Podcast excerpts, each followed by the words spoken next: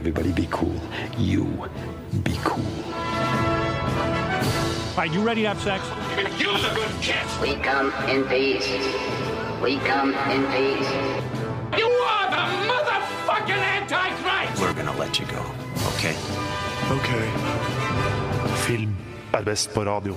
I'm gonna make him an offer he can't refuse. Nova Noir.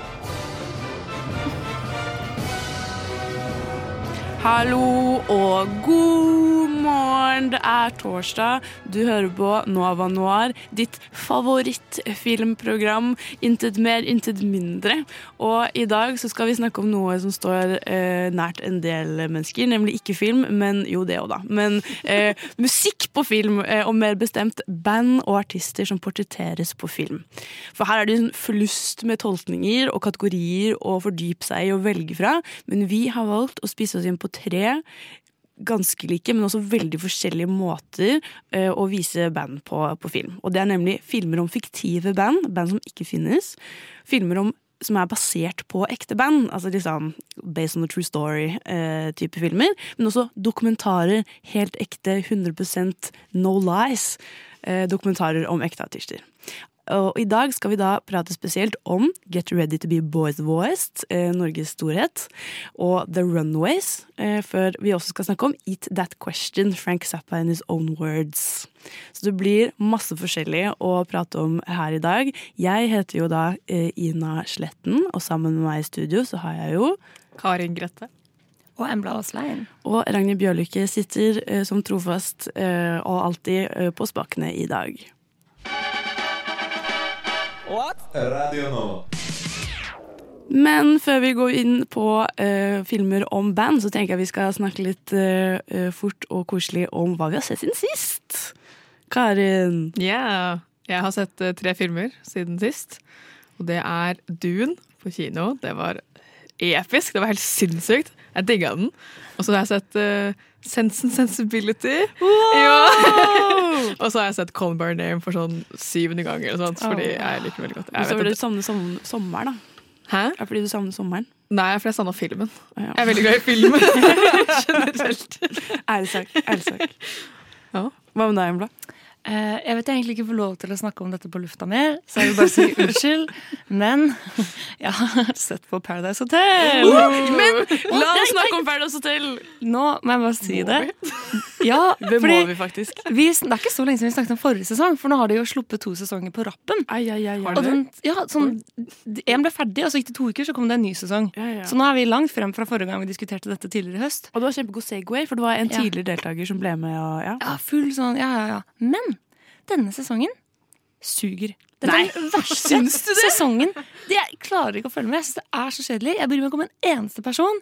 Og jeg, liksom, jeg følger ikke med typ lenger. Og jeg spoler gjennom episoden følger Altså, Det er den kjedeligste sesongen av Paradise Hotel noensinne. Det er sjukt å si, Embla. Jeg må bare si, jeg har ikke sett en sesong siden jeg var sånn 11, kanskje. Og det er ditt tap. Bortsett fra denne sesongen. Jeg har sett på That 70 Show, det er episk. Det, men det er ikke sammenlignbart. Men apropos Paradise, så har det jo eh, kommet nyheter i går om at Paradise skal endre konsept. What? Paradise Hotel er ikke lenger Paradise Hotel, det er Paradise. Oi. Og det er ikke Er lenger ikke på på et hotell. Du trenger ikke være singel lenger. Det handler mer om profilene. Det handler mer om å bli kjent med dem og bli glad i dem. De er ikke, det som jeg er bekymra for, dog er De har ikke bekreftet om Triana Iglesias skal være med. Dette blir noe annet. Oh, Og det, jeg, hvis, oh, hvis de ikke har med Triana, så er jeg borte. Jeg beklager. Da er jeg ikke med lenger. Men hvis dette var den siste sesongen deres også, da, da, da skjønner jeg at de må bytte konsept. De har ikke bekreftet det heller, om det kommer en sesong, siste sesong til. Ok, Men da blir det basically bare sånn reality show. Hvilken hvor de er, er da. Sesong Paradise. 23? Eller sånn? 15. Jeg tror det. Ja. Nei og Så, nei. eh, det er dette jeg har sett siden sist, da. Men eh, jeg, er veldig, jeg er veldig skuffet, og jeg skal se på noe annet til neste sett siden sist. Fordi det knuste hjertet mitt. Altså. Hvis du ser på noe eh, Hvis jeg kan komme med anbefaling, da. Ja. Vi som, jeg er jo ganske glad i Paradise. Men eh, noe som er noe helt annet, som jeg så nylig, er eh, Vi skal snakke om norske filmlegender i dag. Men den, the OG, den, den som startet eh, liksom Altså norsk håp på, eh, på film, er jo da Orans belte. Actionfilmen fra 1985. Den som satte rekord eh, og på Amanda-utdelingen, eh, også i 1985, vant fire av fire eh, priser den var nominert til. Og det var ingen som klarte å slå det før i sånn 2008 eller noe. Og Orons belte handler om, det er basert på en bok av John Michelet.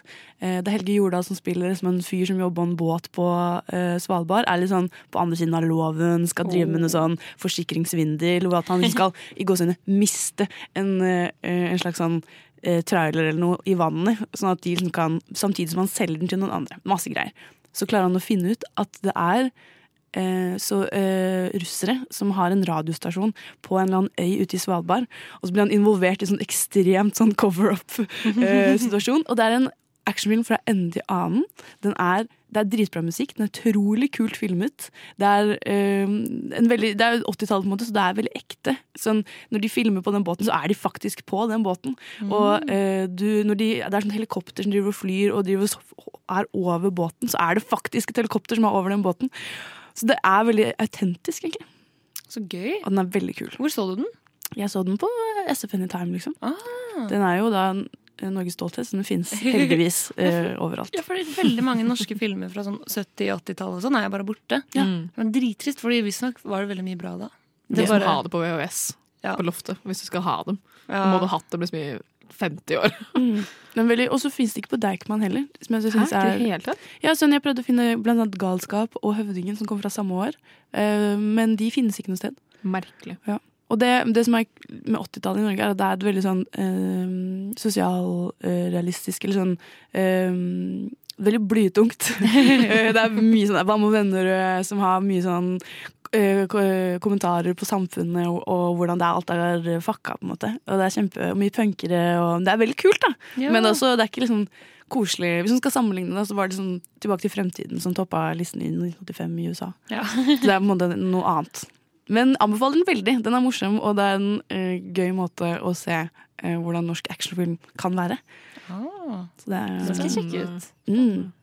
Og jeg tenker Vi egentlig bare skal uh, straks hoppe inn i musikktemaet vårt for i dag. Men vi skal også bare gå gjennom hva som har skjedd i Film-Norge, eller filmverden, mener jeg, den siste uka.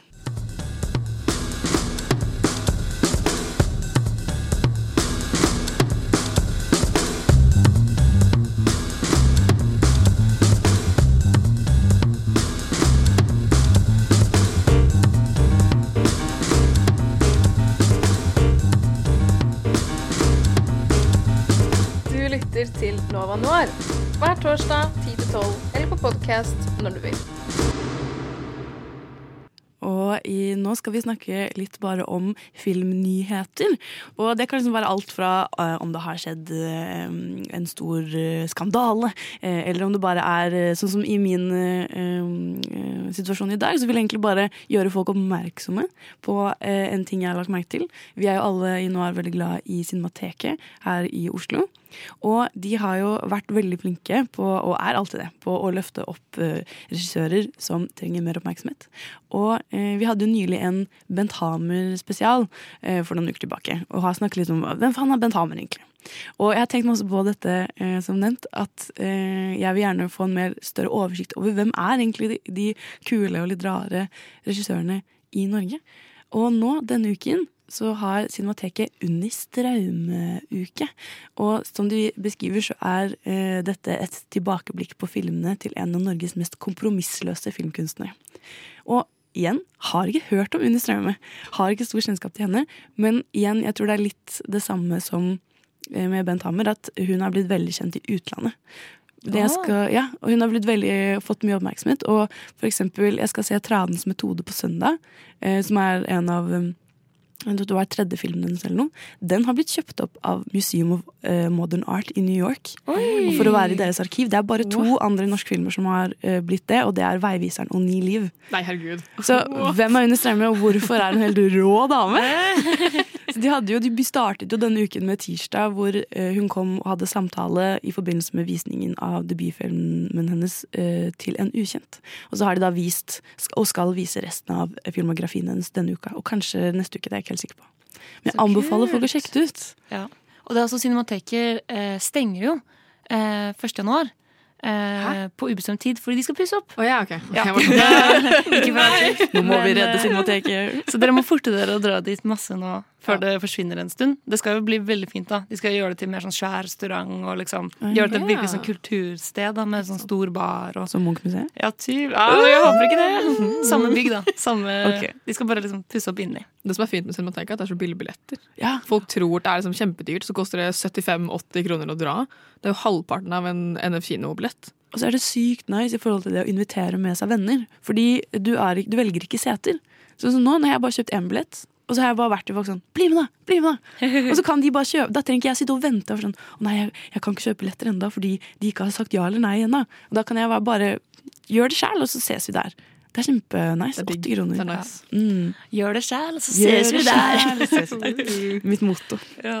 Men hva med deg, Karin? Har du noe nytt å komme med? Jeg har en eh, nyhet som skjer nå på lørdag, eh, og det er den store kinodagen. Det er eh, den årlige, det årlige arrangementet som skjer i hele Norge. Alle, jeg tror nesten alle kinoer i hele Norge er med. Jeg bladde gjennom lista i stad, og jeg kom jo aldri til bunnen. Det var helt sinnssykt. Jeg tror nesten alle kinoer i hele Norge er med. Og det er bare sånn megasvært um, arrangement der de har alle kinobilletter på halv pris den dagen, og så sender de ofte mye film som ikke sendes, sånn ikke kom ut nå, men sånn de sender gamle klassikere. Eh, har mye arrangementer, mye premier, konkurranser, diverse. Em, så jeg skal dra og se alle Ringenes herre-filmene etter hverandre. For det sendes på, på Odeon på IMAX. Hvor lang tid tar det? Det tar ni og en halv time. Så det, og- men problemet er jo, eller problemet, det kommer jo an på om det er nattdyr eller ikke. De begynner første film tolv på slaget på natta 6. november. Og så skal du være der til klokka halv ti om morgenen. Men de har sånne Ringenes herre viser alle tre om natten eh, hvert Ja. eneste år. Ja, for det er til Ja. kinodagen. Ja. For da koster det 300 kroner å dra. Men Og så får du se alle filmene på IMAX. hvorfor er det alltid midt på natta? Jeg har noen kompiser som drar på det der Ringenes herre om natten hvert eneste år. Du kommer til å sovne, liksom. Hvorfor det, kan det ikke være på dagen? Jeg kunne godt Det komme ni om sikkert tar sikkert altfor mye program i forhold til sånn til arrangementet. hele-. Ja, du ødelegger vel resten av arrangementet, tror jeg. Skal de Hvis du sette av- okkuperer en hel dag. Kan ta sal fire eller noe sånt. Da. IMAX, skal IMAX sette av hele lørdagen på kinodagen for å vise Ringenes herre i ni timer? De viser den ikke bare på kinodagen. Det er som Colosseum har et sånn event på våren en gang. Ja, det er også på ja. natten. Det er Men har ikke det med fra- Star Wars også? Jo, Ja, og de har sånn alle for en gang. Er det fordi det er det folk liksom, uh, blir liksom gira på? Sånn jeg skal sitte på kino på natten. Det er jo, men det er jo litt kult å se de på kino. Det er jo, Det er jeg med Ja, på. Men hvorfor viser de alltid Ringenes herre eh, sånn fra tolv om natten til ni om morgenen? det vet jeg ikke, ass. Men skal du sitte i sånne luksstoler? Nei, det kan jeg ikke. Det koster litt mye penger, ass. Ai, ai, ai. Da blir det en lang natt. Ja. eh, Så kose meg. Se alle tre filmene. Oh. Gleder meg. Jeg gleder meg, jeg har ikke sett det før. Det er det som det er sykt. Jeg har ikke sett dem før. Så da får jeg faktisk sett det samtidig på kino. Det er den beste måten å se dem Ja, på, det var det jeg også tenkte at nå får jeg sett dem på kino. Så det er, hvis dere har lyst til å spare litt penger og se litt film, så er det lurt å kjøpe billetter. Litt film. Litt film. Hvis du har lyst til å se ni timer sammen med meg, så er det bare å kjøpe billetter. Dessverre. Men eh, ja, det er jo nå på lørdag, så det er jo bare å kjøpe før det blir utsolgt. Rått. Okay. rått. Hvem er deg, Embla? Vel, det har jo vært litt debatt da i det siste. eh, også i dag så kom jo NRK ut eh, med noen tall som er litt interessante. Fordi eh, de har regnet ut hvor mange originalskrevne eh, barne- og ungdomsfilmer det har vært de siste ti årene. Og det har kommet ut 60 eh, barne- og ungdomsfilmer. Og av de 60 så er det bare ti som er originalskrevne. Resten er, er oppfølgere, dårlig, remakes. remakes. Det er helt sykt. Det er helt sykt. Så da har det jo blitt eh, masse debatter rundt det. og Sånn, hvorfor kommer det ikke originalskrevet innhold? Hvorfor lager vi bare det samme igjen? Altså, det er jo veldig safe da, å lage liksom Askeladden 1, 2 og 3. Det vet jo folk drar og ser. Men det gjør oss jo veldig begrenset som på en måte en filmnasjon, når alt vi lager er det samme. Jeg føler at det så sier hvor mye man tar barn på alvor også. At man tenker bare at men barn de ser jo bare på De bryr seg ikke, det er bare farger og litt morsomme kommentarer. på en måte. Men det er utrolig trist at eh, barn ikke får den samme eh, behandlingen som eh, også voksne. Men man kan jo si hva man vil om den det norske kinomarkedet. Det er mye remakes generelt ute og går. Ja, nei, jeg synes Det er veldig synd for de barna som vokser opp med de samme filmene som oss. på en måte. De får liksom ikke sin, Ja, men, så, men så, De får liksom ikke sin egen filmoppvekst. på en måte. De må liksom bare leache på oss andre med sånne dårlige remakes av de vi vokste opp med. Sånn, det er jo kjipt å se liksom Mulan, og så er den dårlig animert og laget på nytt. Da kan man jo bare se den originale. Du skjønner hva jeg mener? da? Du må jo få liksom noe eget og liksom mimre tilbake til da dere er voksne, ikke bare sånn 'Å, husker du den jævlig dårlige remaken av den filmen her som mora vår vokste opp med?' Og ha-ha, det var litt kjipt, da. Ja, nei, det Ja, men jeg er helt enig, og jeg føler at liksom eh, Vi er veldig glad i å gjøre narr av USA for å bare lage remakes, spesielt Disney. At alt de lager nå, er bare remakes av filmer vi var eh, oppvokst med. Men så er jo ikke Norge noe bedre. 10 av 60. Eh, og det, eh, jeg føler veldig at vi er en sånn age of nostalgi. At, at alt som vi lager nå, er remakes eller liksom samme historier om igjen. Og Eller det er sånn reboot. Ja, og Ja. reboot. Sånn Friends for reunion, uh, That 70's Show skal bli That 90's ja, Show. Alt får liksom eh, nye uh, versjoner av seg selv. Og liksom 70-tallet og 2000-tallet. Vi går jo bare med mote som har vært trendy før. At Vi er et sånn rart tidshull. Jeg tror mye pga. sosiale medier og sånt, så vi har tilgang på alt. Så vi bare gjenskaper alt. Men i Norge i hvert fall så har jo dette eh, også ført til en litt sånn kritikk av NFI og på en måte hvor, hva er det de gir penger til. da? Eh, og da har de jo også lagt ned Nye Veier, som var det som før ga tilskudd til nye ideer. og eksempel Grit og eh, Ninja Baby ble jo lagd med Nye Veier. Eh, der liksom produsenten kunne satse på ukjente filmskapere og sånn. Og nå har de i stedet lagd noe som heter sånn neo-utvikling, eller neo-noir eller et eller annet sånt. Og det er jo eh, mye vanskeligere å få penger til, og gjør at manusforfattere for eksempel ikke får penger fordi du må ha eh, noen liksom to til tre verk allerede laget for å få søke penger og sånn. Men hvordan, altså sånn, Dette er eh, den, eh, det paradoksale med for når du søker jobb, og så er det sånn ja, du trenger erfaring for å få den jobben. Så er sånn, Men jeg må få jobben for å få erfaring! Jeg skjønner ikke, men det er jo det er kjempeidiotisk. Ja, det gjør jo at nye stemmer på en måte ikke kommer fram, da. Og at uh, Joachim Trier sikkert kommer til å få lage 100 filmer til, Ja, men liksom ja, Som vi ikke trenger. Men nye folk får jo ikke laget film. Eh, og jeg merker det nå, jeg driver og søker kortfilmstøtte forskjellige steder. og sånn, Det er jo alltid sånn, legge ved ting du har laget før.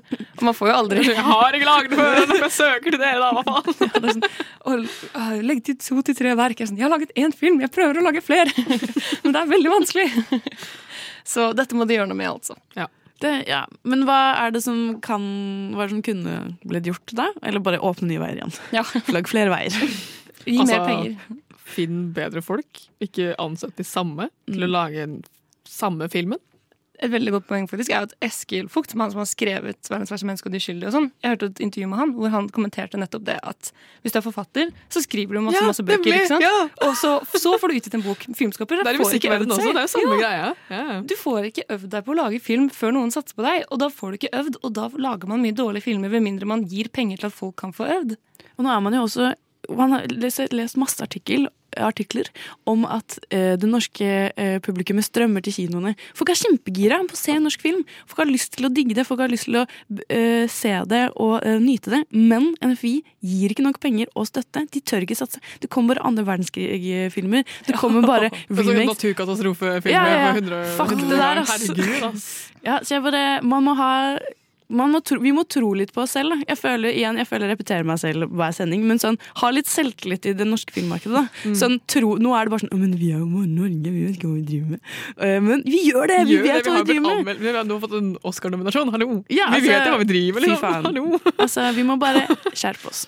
Nå skal vi heldigvis bort fra uh, det temaet her og bare inn i noe trygt og fint. Og uh, uh, fiksjonsbasert band er det første vi begynner med i dag. Men vi skal høre en låt for det, nemlig Tansi Laulau av M.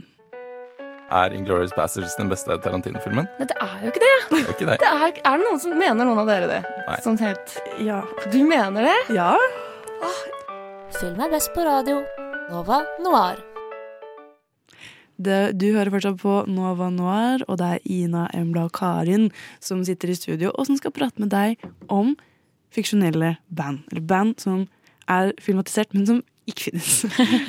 og eh, denne sjangeren er jo på en måte veldig utbredt og uh, befinner seg ofte i sånn mockumentary-verden. Og vi har et eksempel vi skal snakke om senere, som er en type mockumentary. Men det finnes jo veldig mange forskjellige uh, versjoner. For eksempel Almost Famous er jo også en uh, spillefilm uh, basert på et uh, fiktivt band. Og den er jo ikke mer, det er mer en dramafilm, Ja. vil jeg si. Men hva, har dere noe forhold til noen fiktive band i livet deres? Altså Altså, nei. Nei!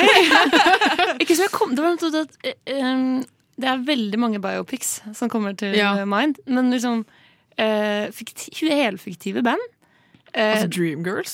Det er, nei, det, er biopic. Nei, det er Er det biopic? Ja. Seriøst? Det er det jeg mener. Sånn, det, det er, oh, sånn sett er dette en ganske vanskelig sjanger. Eller sånn Jeg kom på Almost Famous, og det var den eneste jeg fikk opp i hodet. Ja. Uh, Men er ikke du glad i Hedvig and the Angry Inch, eh, Karin? Eh, Det er egentlig mest fordi favorittbandet mitt har covra Angry Inch. ja, men Det er jo noe, det. At de har Ja, altså- påvirket. Så jeg har jo sett Angry Inch fra Hedvig and the Angry Inch. Men det er det eneste fra den filmen jeg har sett. Men- og ikke noe mer. Er det fordi dere tror at um, Er det fordi de fiktive bandene dere har sett, kanskje er for troverdige? Eller er det fordi um, dere, de dokumentarene dere har sett, har vært for urealistiske? Siden dere, eller biopicsene har vært for Hva er det som får deg til å tro, tenke på biopics eller faktiske biopics istedenfor Altså, jeg, jeg tror ikke mm, Nå kan jeg ta feil, men jeg tror ikke det er så mange filmer som lages som helfiktive band. For det er så veldig mange ekte band man kan lage fiksjonsfilmer om. Eh, og det markedsfører bedre. Hvorfor finne på en historie som ligner på Queen, når du kan lage Bohemian Rhapsody? på Ja, måte? akkurat det. Eller eh, Rocket Man. Ja. Men det er jo for å kunne kanskje da vise den faktiske sannheten. Ja. Ofte. Men det er veldig samme kurve, da. Samme dramaturgi i alle de filmene. Ja, men jeg føler at em, mitt problem med for eksempel det, Vi skal snakke om filmer basert på ekte band etterpå, men at jeg føler at de ofte er litt forsiktige, og de vil ikke helt gå innom det faktiske sånn det, det som enten er litt kjipt eller er litt fælt. Eh, Jeg føler de ofte skal glatte litt over. Ofte hvis også bandet fortsatt eksisterer eller lever, så er man også litt redd for å tråkke på tær. Og det som jeg, jeg syns er utrolig befriende da, med fiktive band, er at det er ingen som blir lei seg. Fordi, Nei, de og, finnes du, ikke. ja, det, og du sitter og får assosiasjoner. Sånn Amos Femis, Du kan jo få assosiasjoner til masse band på 70-tallet, eller når Ja, den liksom skal være plassert. Du har jo The Blues Brothers også, som også er et fiktivt band. Eller eh, en av mine favorittfilmer, The Commitments, eh, som handler om et eh, coverband fra Irland. Og det handler liksom om Den har jeg sett! Ja, Den er gøy! den er helt fantastisk, eh, og også kjempemorsom. Og mm, bruker, da bruker den jo også til og med ekte låter. Um, Er ikke det et ekte, er det et ekte band? Nei! Det er, det, det er ikke et ekte band. Det er basert på en bok av Roddy Doyle. Oh. Og, som også er en veldig bra bok. Eh, men det er det, sånn, da har jo du åpenbart trodd at dette var et ekte band. Og det er da du vet at du har gjort, laget en god fiktiv film. Fordi eh, det jeg føler liksom er, er mine krav, det er at det må være utrolig godt produsert. Man har muligheten til å bare sånn Du må har ikke den forventningen til at det, du må få eh, masse streams, eller du må Du kan bare lage noe som er som skal fungere akkurat i disse to timene, og kan bruke all tiden din på det. Og jeg føler at det um, er, Jeg, bare- jeg syns det er en veldig kul sjanger, da. Og man kanskje ikke utnytter den godt nok. Ja, Det kunne sikkert blitt laget mer, men jeg tror jo nettopp fordi det er så mange ekte historier der som er så bra, hvor folk allerede har et forhold til musikken, så er det lettere å lage. Ja, fordi de må jo skrive all musikken til disse fiktive bandene. Eh, og noen steder er jo det gjort veldig veldig bra, men det er jo veldig mye jobb, da. Ja, Som du sa, Emla, så er det veldig mye lettere å koble seg til en film til et band du har hørt på, eller har et personlig forhold til, enn ja, ok, kanskje det her blir en morsom film, eller, en film, eller kanskje det her blir troverdig, men du vet jo ikke før du har sett den. Men hvis du har liksom et eller annet forhold til et band, og som da blir filmatisert, så føler jeg det er lavere terskel å gå og se den. På en måte. Ja, og så vet man jo på en måte hva man skal se. Man skal se liksom noen folk med en drøm, gjerne litt sånn rar gjeng, der det er liksom morsomme karakterer i bandet, som er liksom en vennegjeng også. Og så liksom blir de satt sammen, og så sliter de litt i starten. Ja, ikke sant? Og så plutselig får de en breakthrough, så blir de superfamous. Men så blir de gale av fame, eh, det begynner å bli backstabbing, krangling, la, la, la. Og så må liksom hovedpersonen, som som regel er sånn vokalisten, eller sånn, finne seg selv. Jævlig typisk. Alltid vokalisten, ass. Jeg har så indre hat på vokalister til tider, ass. Og så Jeg alle som trommeslager blir sint.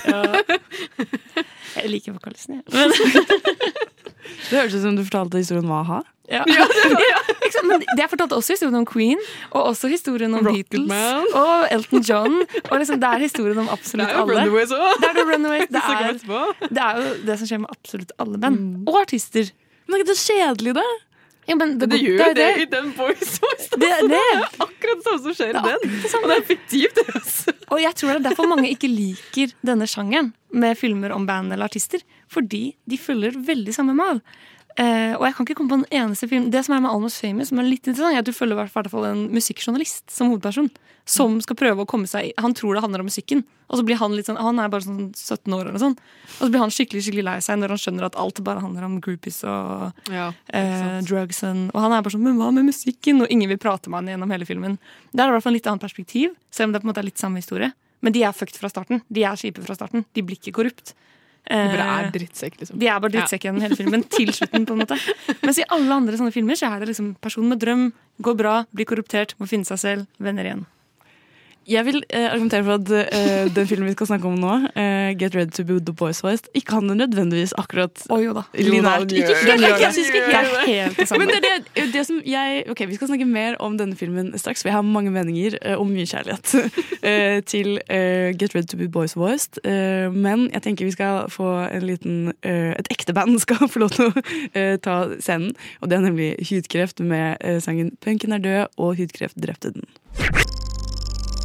Du Du Du hø hø hører på. På Radio Nova. Da er det tid for å snakke om den første tittelen eller filmen eh, for dagens sending, nemlig norske Get Ready to be Boys Voiced, som kommer fra året 2000. Og Boys Voiced handler jo om bandet med samme navn, eh, basert på Boys Boyzone, eh, om jeg ikke tar helt feil, bestående av en Pete, Hot Tub og Roar. og det, denne trioen er da et uh, ish up and coming uh, boyband med um, flere titalls Nei, et par uh, hitlåter før det skandaløst uh, kommer frem at uh, de lipsynker til alle låtene sine, så de synger ikke live. I tillegg til at M. Pete har uh, begynt å date en tolvåring. Ready for the documentary exposing a band ready to conquer the world. Jeg merker veldig på meg selv at jeg har blitt en veldig interessant person. Og det merker jeg at jentene også merker, ikke sant? Hvor gamle er de? de er? Jeg vet, jeg vet ikke. skal ikke filmes på varesentra. Det er sikkerhetshensyn. Hvordan kan du være manageren vår hvis du ikke kan engelsk? Jeg kan engelsk! Si noe på engelsk, da. I'm a boy. I'm a boy. Det er engelsk. I've spent the best days of my life. Og Get Ready to be Boys Voiced er eh, en legendarisk film, for det er en, det er en eh, mockumentary på hva som skjer når dette bandet kommer kommer under intrige etter intrige, og hva som skjer når bandet bestemmer seg for å ikke bli eh, det store som de hadde håpet på, og tiden etter. Og eh, det er da spilt av eh, Espen Eckbo, spiller typ sånn fem karakterer. Eh, blant annet av M. Pete eh, som, og Valdemar, som er en stor fan. Men det er også Øyvind Thon og eh, Kåre Steen. Du har Henrik Elvestad som spiller Timothy, som er bandets manager. Eh, Atle Antonsen er med, Linn Skåber er med, og Jon Øigarden er med. Trond-Viggo Torgersen. Er. Altså, det er en, en helt unik eh, liste, og det er det som sjokkerer meg over at denne filmen ikke er nok anerkjent. Det ligger, heller, det ligger heller ikke noe sted. Eh, Vi nevnte jo flere filmer som, eh, eller norske filmer som ikke finnes eh, tilgjengelig. Eh, Den her lå på VGTV i fjor, husker jeg, i en liten periode, men nå er den borte igjen. Så jeg har den på DVD, men du kan også sikkert se den på YouTube. Ja, den ligger på YouTube, men det er veldig dårlig kvalitet. Veldig dårlig kvalitet. Ja. Men fortell meg da, dere eh, som ikke har blitt eh, utsatt for Boys Voice tidligere, hva syns dere? Altså, Jeg syns den var morsom. ass. Det var veldig god norsk humor. Jeg koste meg. Det var, det, men det var liksom så bra laga at det kunne vært et ekte band. Jeg vet ikke, De bare naila liksom hele boyband-tropen. Og de hadde med A1, og de var sånn 'Å, digge Boys Voice'. Det, sånn, det, det blir så virkelighetsnært. Det er helt sykt, liksom. Altså, de hadde bare naila alle liksom, stereotypene, sangene, eh, kontroversene. som alt var bare så veldig boyband-relevant. Altså, dette er aldri en film jeg hadde tatt for å være en ekte film. Liksom, hadde altså sånn, det er veldig, veldig overtydelig mockumentary. Eh, Det er det som er gøy, da. Ja, og ikke at det er noe dårlig i seg selv, men sånn eh, den, den er morsom, men det er jo litt som å se en sånn Raske menn-sketsj eller en Ylvis-sketsj som varer i en og en halv time. At det er liksom norske kjendiser, og så er det liksom lol og Men og tidvis er det veldig gøy, og tidvis er det litt sånn Den, bærer, altså, den har ikke helt holdt tidens tann alltid. Eh, for den er jo fra år 2000, og den er veldig år 2000. Med liksom europop og aqua-referanser. Liksom, men samtidig veldig, veldig gøy. Og veldig rart at jeg aldri har hørt om den før. Det begynte jo som du sier som en sketsj, for jeg tror bandene ble liksom um, Hva heter det Annonsert eller uh, sluppet, på en måte, et år et år før filmen kom. Så det ble liksom, bandet var liksom først bare et band. Så kom filmen uh, med uh, Espen Eckbo. Og han kom ut mange år senere og var sånn Jeg sang aldri. Det er noen andre som synger på alle disse låtene. Og eh, det er det som eh, jeg snakket litt om det forrige stikk, at dette er et utrolig troverdig band, syns jeg. Utenom at dokumentaren er er åpenbart er en film. Men hvis du hører på albumet, som ligger på Spotify, anbefaler å høre på det. album Ja, ja. Eh, Jeg hører på det titt og stadig, og jeg syns det er utrolig velprodusert. Og jeg tror utrolig, altså Hvis jeg ikke hadde visst om filmen, så hadde jeg tenkt sånn hvem, Hva er dette dumme bandet fra 2000-tallet? Men tekstene er Ja, veldig åpenbart kødd. men, eh, men du er ikke den eneste som har trodd det, fordi VG anmeldte den seriøst når de slapp en julelåt. og Trodde ikke at det var et køddeband. Ga den ener og skrev at det var et klisjéfylt norsk skam. Eh, dette leser jeg på Wikipedia-siden deres. Men, eh, så det er jo flere som har trodd at det er ekte. Ta spøken, da! Hallo! Men det er gøy, Tenk hvis jeg hadde gitt en sekser. og Bare sånn, dritbra Det er gøy at si ga den enig. Men det er enig at det er ganske velprodusert. Sånn, sangene er bangers. Ja, Sangene er dritbra. Og til og med liksom, det de har på seg, og liksom, hårfrisyrene. De har naila det. Hvert fall han ene, han, eh, han hovedrollen, en Pete. en Pete, har det, de, liksom, eh, piggene. Sånn, litt sånn hårgelepigger på hele huet. Og jeg er sånn, det her er så sykt boyband. Slutten av 90-tallet, starten av 2000-tallet-greie. Så jeg føler bare de har naila den perioden, så selv om de ikke har tålt liksom, tidens tann, som du sa, Ebla, så den er så sykt velprodusert fra den tiden den er laget i. Det er bare, De har naila alle liksom, stereotyper de kunne ha funnet. Liksom. Det er et slags tidsportrett av 2000-tallet. føler jeg. Sånn, med hvordan musikkvideoen, Det er en musikkvideo de har filmet sånn på stranda. Der han går sånn drama, og det er sånn, det, sånn var uironisk alle musikkvideoer på 2000-tallet. Og veldig sånn saturated. og liksom, eh, Klærne er så utrolig stygge. Og liksom europop-sounden. At det liksom er noe na, Og så kommer det alltid en mann sånn Hello, Barbie. som Aqua er jo til og med med i filmen fordi det er så lett å parodiere. Den Playboy Man-låta deres er jo bare Barbie Girl. We are the play moment. Wow. Som også er helt forferdelig. Sånn sminken deres og eh, den CGI-en. Ja, det er kjempeekle. Men det er jo lett koreografi. Ja, altså, men musikkvideoen de lagde til Playboy Man-låta, må ha kostet mer enn resten av filmen. Den er jo animert. De flyr rundt i sånn lekefly, og det, er bare, det er kjempebra. Jeg bare føler at jeg har alltid vært veldig lei meg over at Norge ikke har flere uh, musikaler. Uh, jeg ser ikke på deg. uh, ta meg med. Den kan gå og legge seg. Men Boys Voice Jeg kan faktisk leve godt med at dette er sånn, det eneste Norge trenger innen musikalsjangeren. Skulle gjerne hatt mer, men den står støtt som det, det beste vi har å by på. Men selv den treffer jo tropen vi snakket om i stad. Som er noen med en drøm tar av, så går det dårlig, og så bygger det seg opp igjen. Ja, det er akkurat det. Det er Det er, jo akkurat samme samme. oppbygginga som det du nevnte som det vi snakket om i stad. At ok, de får et eh, breakthrough, de er en, en gjeng, det er en bra kjemi, så skjer det et eller annet kontrovers. Alt rakner. De må klare seg en liten periode med andre jobber, og så får de et breakthrough på nytt. Det er akkurat det samme som alle andre sånne biopics av virkelig band. Og det er, sånn, det er akkurat sånn oppskriften. Jo, altså så når du sier det på den måten, så er det jo det, men jeg føler at de bruker mye mer tid på den faktiske driten, og at ting er trist og jævlig, på en måte. Eh, og det syns jeg er eh, Men det, gjør de jo i Rocketman òg. Jeg føler, nei, jeg føler at jeg har mye mer sånn Ja, ok, han er alko alkoholisert og uh, han hadde det kjipt, men han har liksom alltid på toppen i forhold til sånn karrieremessig, at folk digger ham, på en måte. Og sånn var det jo i virkeligheten òg, selvfølgelig. Men jeg føler at i Boys Voice så får du så vidt se at de har gjort det bra. Det er bare sånn, Du får sånn en liten sånn Å, de er litt populære, men så går det bare sånn rett ned med en gang. Men for Det er fordi joken er at de egentlig aldri blir så svære. Ja, de, de er spiller bare, bare på kjøpesenter og sånn. ja. Spiller liksom på vinterbrosjøen. Og så klarer de liksom ikke ordentlig å komme seg opp igjen. Aldri. Og det er det jeg Men det er jo norsk musikk, da. Det er ikke opp igjen. Alle norske band er jo litt sånn. Så jeg føler, De følger jo samme tropen, bare en norsk edition. Ja. Når de har made it, så spiller de på Vinterbro kjøpesenter. Liksom. Altså på Vinstra-festivalen. Herregud. Så egentlig en diss mot Norge i seg selv, ikke, Ja. ikke boyband-sjanger Norsk kulturverden. Det er det det er som er problemet her. Vinterbro kjøpesenter. Men vi har jo hatt én boyband- boyband-stjerne, og det er han derre Ingebrigtsen, eller hva han heter. Han som er med i A1. Er det ikke det han heter? Jo. Jo, jeg vet ikke om han heter Ingebrigtsen. Er det det? Bare gjetter at alle Jo, kjente nordmenn heter Ingebrigtsen. han som er med i A1, han ene blonde. Han var med på liksom, Skal vi danse og sånn.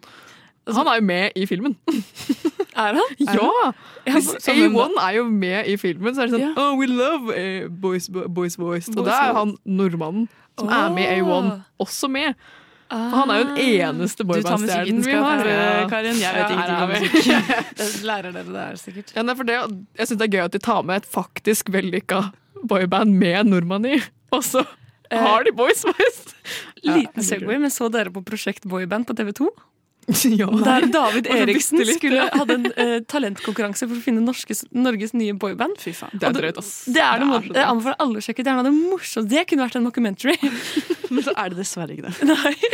Men jeg tenker, eh, Nå har vi snakket mye om musikken her. Eh, jeg mener fortsatt at Boys Voice er en unik eh, opplevelse. Jeg koste meg. Altså. Jeg, Ja. jeg likte den godt. Jeg, jeg kommer til å anbefale den her til andre folk. Liksom. Bra, Ja. bra Det er god norsk humor. Eh, Seriøst. Ja. Veldig. Og eh, jeg syns at den er har fått ufortjent, eh, blitt ufortjent glemt. Jeg tenker vi skal bare hylle den litt, enda litt med ved å spille min favorittlåt fra filmen og eh, bandets eh, eneste album, nemlig 12 Year Old Woman.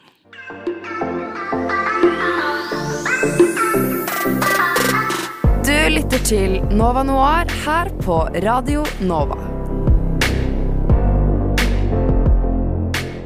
Nå skal vi bort fra det fiktive og tullete og bare bort til Nei da, vi skal bort til noe som er kanskje litt nærmere eh, ekte liv. Men det er da eh, filmer basert på ekte band. Så da har man liksom Bohemian Rhapsody, Rockman, som vi alle snakket om i stad. Um, og eh, jeg føler at jeg syns denne sjangeren er litt vanskelig, som jeg nevnte tidligere. Fordi jeg føler den ofte glatter litt over eh, realiteten. Men Karin, du er en veldig forkjemper for blant annet Rocketman. og Jeg er hva veldig glad i er filmer basert på ekte band. Uh, greia er jo å prøve å vise hvordan de ble kjente, hvem de er som personer, og hvordan de har hatt det i løpet av den karrieren de har hatt. For det er ikke bare bare, bare å være rockestjerne eller popstjerne eller hva det skulle være. Um, men jeg føler ofte også at de, de enten liksom lager, legger på sånn filter over det kjipe som har skjedd, eller at de bare som du sa, bare glatter over det. Så liksom, det skal se litt bedre ut enn det det egentlig var. Men jeg vet ikke. Jeg liker ofte filmer basert på ekte band. Jeg skjønner ikke det helt. Fordi eh, jeg syns ofte det er nesten litt sånn stereotypisk hvor mørkt det mørke skal være. I de. Altså, jeg syns ikke de glatter over. Eh, det er jo den, de blir ganske mørkt i både Bohemian Rhapsody og Rocketman. Eh, hvor jeg føler at det er sånn Oi, shit, tenk at de overlevde det. Typ sånn eh, Kanskje enda litt mer i Rocketman, da. Men det er en sånn scene i Rocketman hvor han faller i bassenget på på en fest og holder på å drukne, og så eh, spiller de vel Å, nå husker jeg Tiny Dancer eller noe sånt. Mens han liksom blir dratt til sykehus og sånn. Det er jo en faktisk musikal. Oh, ja, um nei, det er ikke Tiny Dancer, men jeg vet at det er en eller annen En eller annen banger. Ja, banger. Jeg lurer på om det er Rocketman. Han synger Det mens han være, drukner. ja. Og alle rundt han, alle legene som begynner å synge rundt han og liksom, mens han får livredning. Da. Og jeg føler at det er ganske mørkt. Ja. Så Men glatt på samme over. tid, når de da liksom sitter og synger Rocket Man som en musikal mens han holder på å dø, så glatter det jo automatisk over hele situasjonen. For da blir det veldig sånn filmatisk. Ja, ja, men liksom Han hadde det jo helt jævlig, og så lager de det om til et musikalsk nummer. At han holder på å dø. Liksom, det føler jeg å, glatte over. Hele- Det er det jeg føler liksom. Det gjør spesifikt Rocketman til en eh, litt annerledes biopic, da, fordi det er jo en musikal. Ja. Eh, for eksempel på Bohemian Rhapsody så hører du bare låtene når bandet faktisk fremfører dem i filmen. Mens i Rocketman så synger de sangene rundt hendelser som skjer i Elton John sitt liv. Ja, jeg liker Rocketman bedre enn på Himmel Ja. Rhapsody, for jeg syns de har liksom inkorporert hans musikk mye bedre enn det de har gjort i Bohemian Rhapsody. Og jeg syns det er veldig trist at Rocketman kom ut rett etterpå, fordi det gjorde at veldig få dro og så den. Ja. Og den er mye bedre. Eh, og det at det er faktisk en musikal, og ikke Mm. bare liksom, livemusikk, eh, gjør den så interessant eh, Mm. filmatisk. Og det er igjen en litt annerledes måte å lage sånne type biopics på, da, som ikke bare følger den samme malen.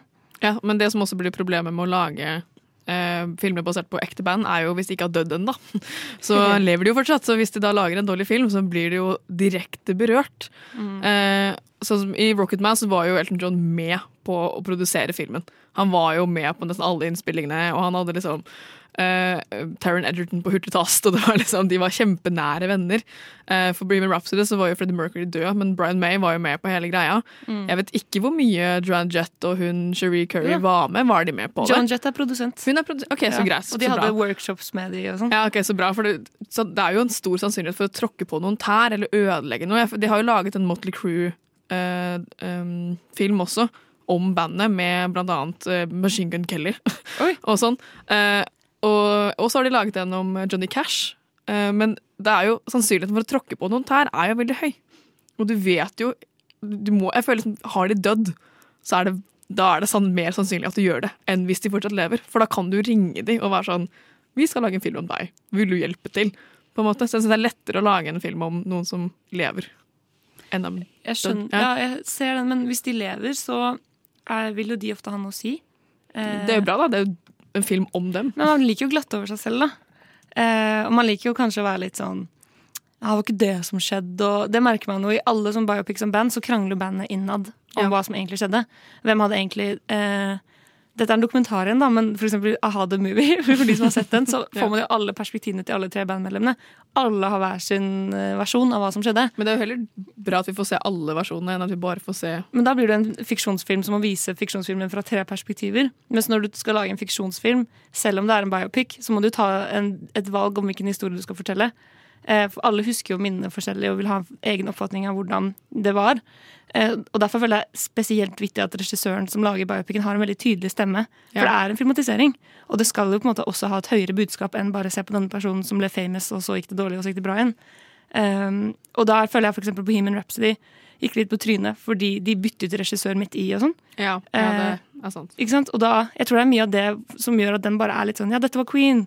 Og jeg syns jo sangen er bra, sånn, så jeg koser meg når jeg ser den. Men den kunne kanskje vært litt bedre hvis det var en sterkere liksom, visjon bak filmatiseringen.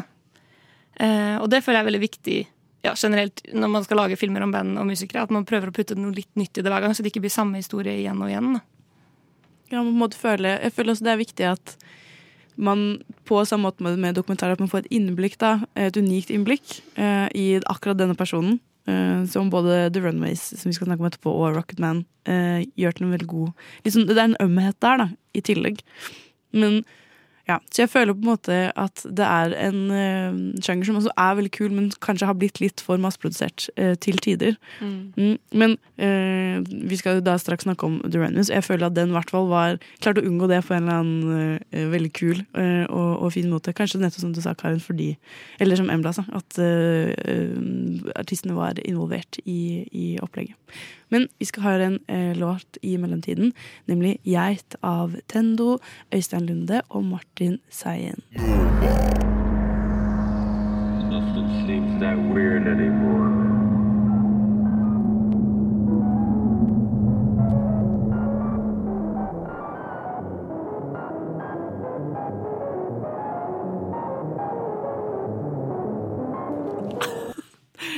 Og eh, filmen som står for tur, er The Runways. Eh, eller hva, Embla?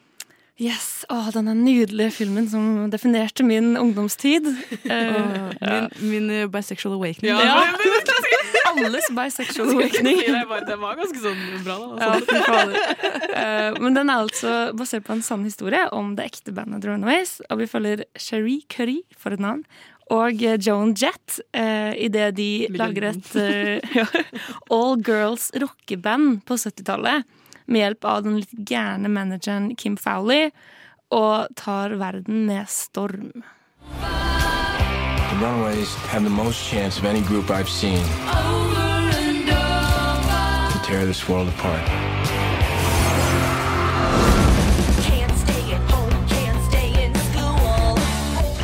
Time with my family. Your family? Are we not your family now?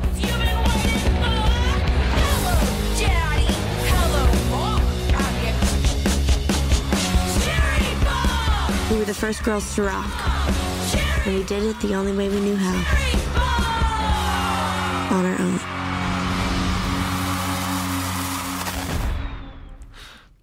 Oh yeah! The first girls to Rap. Ja, og det sier hun aldri i filmen. Det er sånn teit stemme de har lagt på har oh, nei, ja. i, for traileren.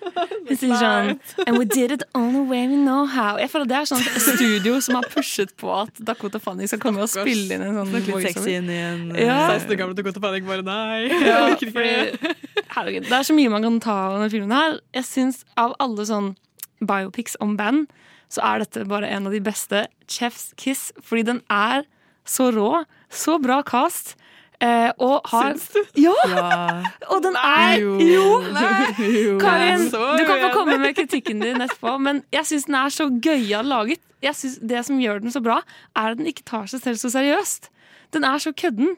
Og eh, at det er en coming of age-film.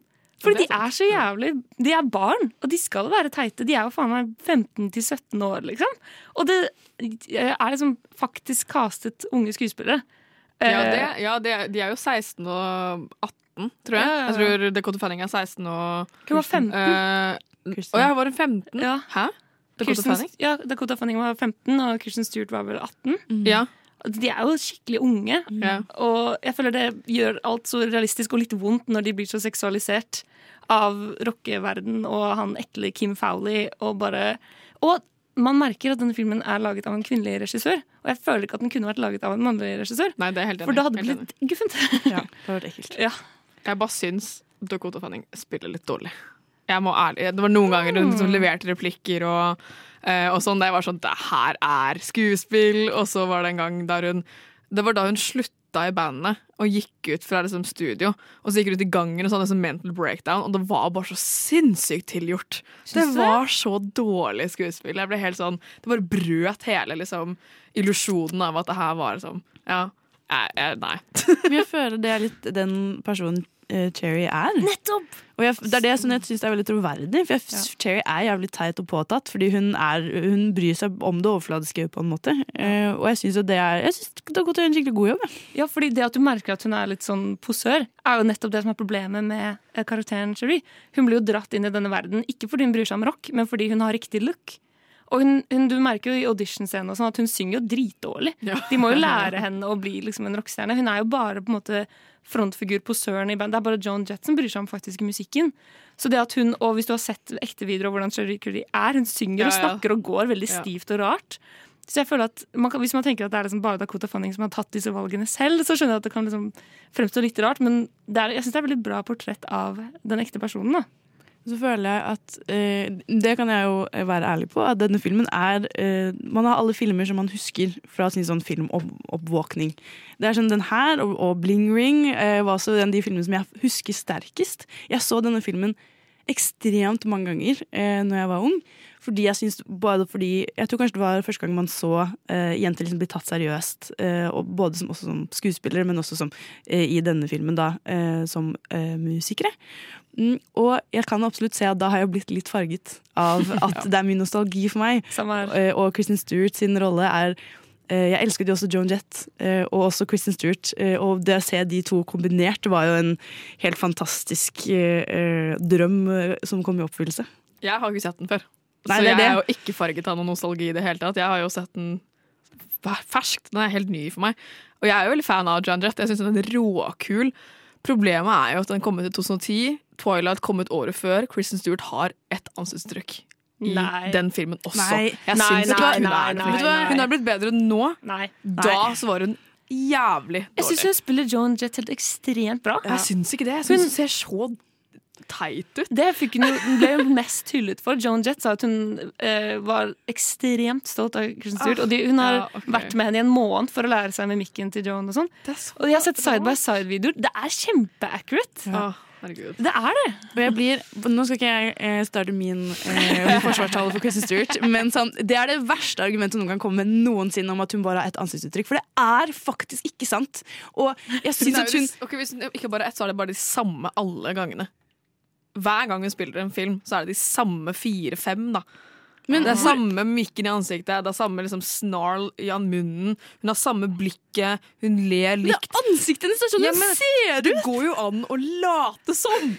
Nei, det er helt uenig. skuespiller. Eh, Timothy Chalamet har mye mer Ja, rett ansikt Hvorfor får eh, ikke Timothy. Chalamet samme kritikk? Fordi Han er bare sånn Han ser også helt lik ut i alle filmer han er med i, men det er bare sånn, «Å, men han er så sykt flink Og så får han bare sånn rolle på rolle på rolle, mens Kristen Stewart mistet alle jobbene fordi de var bare sånn Å, hun er så Jeg er enig med dere med Timothy Chalamet. Altså. Hvis, det er det, dere, liksom, hvis Men- det er motargumentet dere men, som men- prøver å ta meg på, så er jeg helt enig med dere på det også. Hun Liksom. har bare blitt sånn valgt av media som den personen man skal hakke på for bare ett ansikt, når det er en trillion andre skuespillere som også akkurat det samme. har det samme.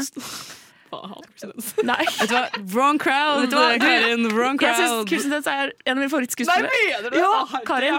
Det er meg, ass. Det, du må se noen filmer på nytt, merker jeg. Men uh, hvis du skal litt tilbake til The Runaway, så hvor bra denne filmen er, så uh, vil jeg også liksom kommentere på at uh, jeg syns den er utrolig morsom. Og det føler jeg mange biopics ikke er. At liksom, det er noen scener der man tenker sånn Det her har de lagt til for filmens skyld, på en måte, men som har skjedd i virkeligheten. Altså jeg synes De har vært veldig flinke til å liksom sile ut de veldig rare, absurde scenene. Sånn som når disse jentene øver, og de liksom kommer masse kids og kaster ting på dem. og sånn eh, for at de skal øve seg på å bli liksom, eh, angrepet på scenen, og sånn, fordi folk blir så sure fordi de er kvinner. Men det skjedde jo. De satt i en sånn liten trailer og ble kastet dritt på av nabogutter og sånn, for å øve seg på å liksom, stå i og bli buet ut. Og, eh, og det er jo flere ting som har blitt kuttet ut av filmen fordi det er for drøyt. Og, apropos liksom glatt over, da. Eh, Som Kim Fowler fikk de med også til å sitte og se på eh, folk ha sex i rommet. For at de skulle liksom få kropp liksom, For de var for unge til å ha sex selv, noen av de, liksom, og hadde aldri hatt sex. Og da fikk han dem til å se på det for at de skulle liksom lære, eller få det inn i, på en eller annen måte når de skulle opptre og sånn. Så det er jo helt sinnssykt uh, guffent. Ja, Kim Fowler var en grusom person. Han var mega creepy. Men hun ene, hun bassisten, har jo kommet ut om liksom eh, voldtektsanklager og sånn Ja, ja, nå ja. nylig, for et par år siden, tror jeg, sånn 2016. Mm. Så han var jo ikke akkurat tidenes, uh, fyr, liksom. Nei, og jeg føl- men samtidig så husker jeg at det var da jeg oppdaget Michael Shannon. At han også er en kjempeflink eh, skuespiller, og er, spiller jo også bare helt sånn gale roller som regel. Og klarer å gjøre han til en skikkelig ekkel, men samtidig så skjønner du hvorfor. Ja. Eh, han er blitt en manager, på en måte. Uh, og, får, liksom, og det syns jeg er veldig spennende, når man klarer å liksom, vise at han er en åpenbar drittsekk, og disse kvinnene har blitt behandlet på helt forferdelige måter og til forferdelige standarder. Men så likevel så har han på en eller annen måte en eller annen autoritet. Eh, og så jeg syns bare filmen er troverdig, og jeg føler den gir et godt innblikk i hvordan det er for det første er å være kvinne i, i uh, rockebransjen, ja. som man kan si det. Men ja, så jeg føler uh, skulle ønske at den uh, At de nyere filmer følte- føltes like autentiske på en måte Ja. som denne. Rett og slett. Enig. Og jeg kan ikke huske å ha sett noen andre filmer, biopics, om kvinner i rockebransjen. Nei, det er sant. Det likte jeg for så vidt. Eh, Ja, det er veldig mange om menn, men liksom eh, Den her kom ut i 2010. Jeg vet ikke om det har kommet så mange siden. Nei, jeg tror ikke det. Men vi skal jo videre på en, en en dokumentar om en mann. Eh, For det er jo det vi er her for. Historier om menn! Men jeg tenker vi skal få en liten eh, pause. Dessverre ikke noe Runways, men heller Tønes med låta 'Spleiselag' eh, slash Waldorfsalat. Alle tre, og så kommer Edmund og bare What the fuck? Ja. Har du sett Parasite? Du vet når du gjør den der, den der huskeringen sin? Å, shit, shit. Eh, n- Nova Noir.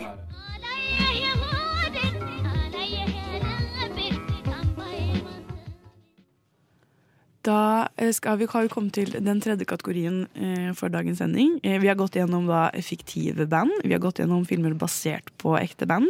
Men nå skal vi inn i hard facts, dokumentarer, det ekte. Det er fremdeles meg, Ina, Karin og Embla som sitter her og prater om da nå dokumentarer om band eller artister. Ja, det er jo jeg som har valgt dokumentaren for dagens sending. Eh, og jeg har jo innsett i ettertid at jeg valgte en dokumentar laget for fans. jeg tar den kritikken, OK, jeg vet. Fordi bare sånn dokumentarer generelt om band pleier jo på en måte å være Er det for et forsøk på å liksom bare få se dritten? Eller fordi nå, de, vi snakket jo om, om dokumentar basert på eh, band, så er det ofte sånn å, en historie om sånn 'Dette er så fint', og, og så gikk det ikke så bra, men så gikk det fint igjen. Eh, er det sånn dokumentarer føler jeg gir muligheten til å også bare fokusere inn på én bitte liten ting? Ja, det er akkurat det, for du, kan, du må ikke ta liksom Hele gjør det som en fortelling, på en måte. Du kan liksom se det fra et mye mer realistisk perspektiv, ta intervjuklipp, fra, klipp fra uh, hverdagen, liveinnspillinger. Uh, du kan liksom vinkle det på en litt annen Mm. måte enn du kan i, i, um, film, da. På en måte. Ja. Um, for jeg har valgt en eh, Frank Zappa-dokumentar som heter Eat That Question. Frank Zappa in his own words. Så det ligger litt i tittelen at det er Frank Zappa om Frank Zappa. Så det er jo ikke noen som har laget et manus om han eller om hans liv eller karriere. Filmen handler om hans karriere fra hans perspektiv fra start til slutt. Der, eh, ja, Vi skal snakke mer om den dokumentaren etterpå, men for så vidt så er jeg litt eh, uenig. Eh, fordi det som er interessant med dokumentar, er igjen at det er jo absolutt en dokumentarregissør eh, som står bak spakene og velger narrativet. Eh, og Frank Zappa er jo død, så den dokumentaren Ja, vi tar den debatten etterpå. Men eh, alle dokumentarer eh, vinkles jo også en vei. Og selv om de velger arkivbilder, og sånn, så velger de jo hva slags arkivbilder de vil vise. Og mitt problem med dokumentarer om artister eller musikere er at de ofte blir ganske kjedelige fordi det er veldig mye talking heads. Altså Alle handler om talking heads? Nei. talking heads er et dokumentarbegrep, i Ina. Som betyr at det er en person som bare sitter og snakker til kamera. Uh, og eh, det kan fort bli veldig kjedelig. Jeg er helt enig. Og jeg føler ofte at um, du må enten ha en spesiell tilknytning til et band uh, eller en artist uh, for å kunne se dokumentaren. Men la oss si sånn som Amy, da, som var en dokumentar som kom ut i 2017.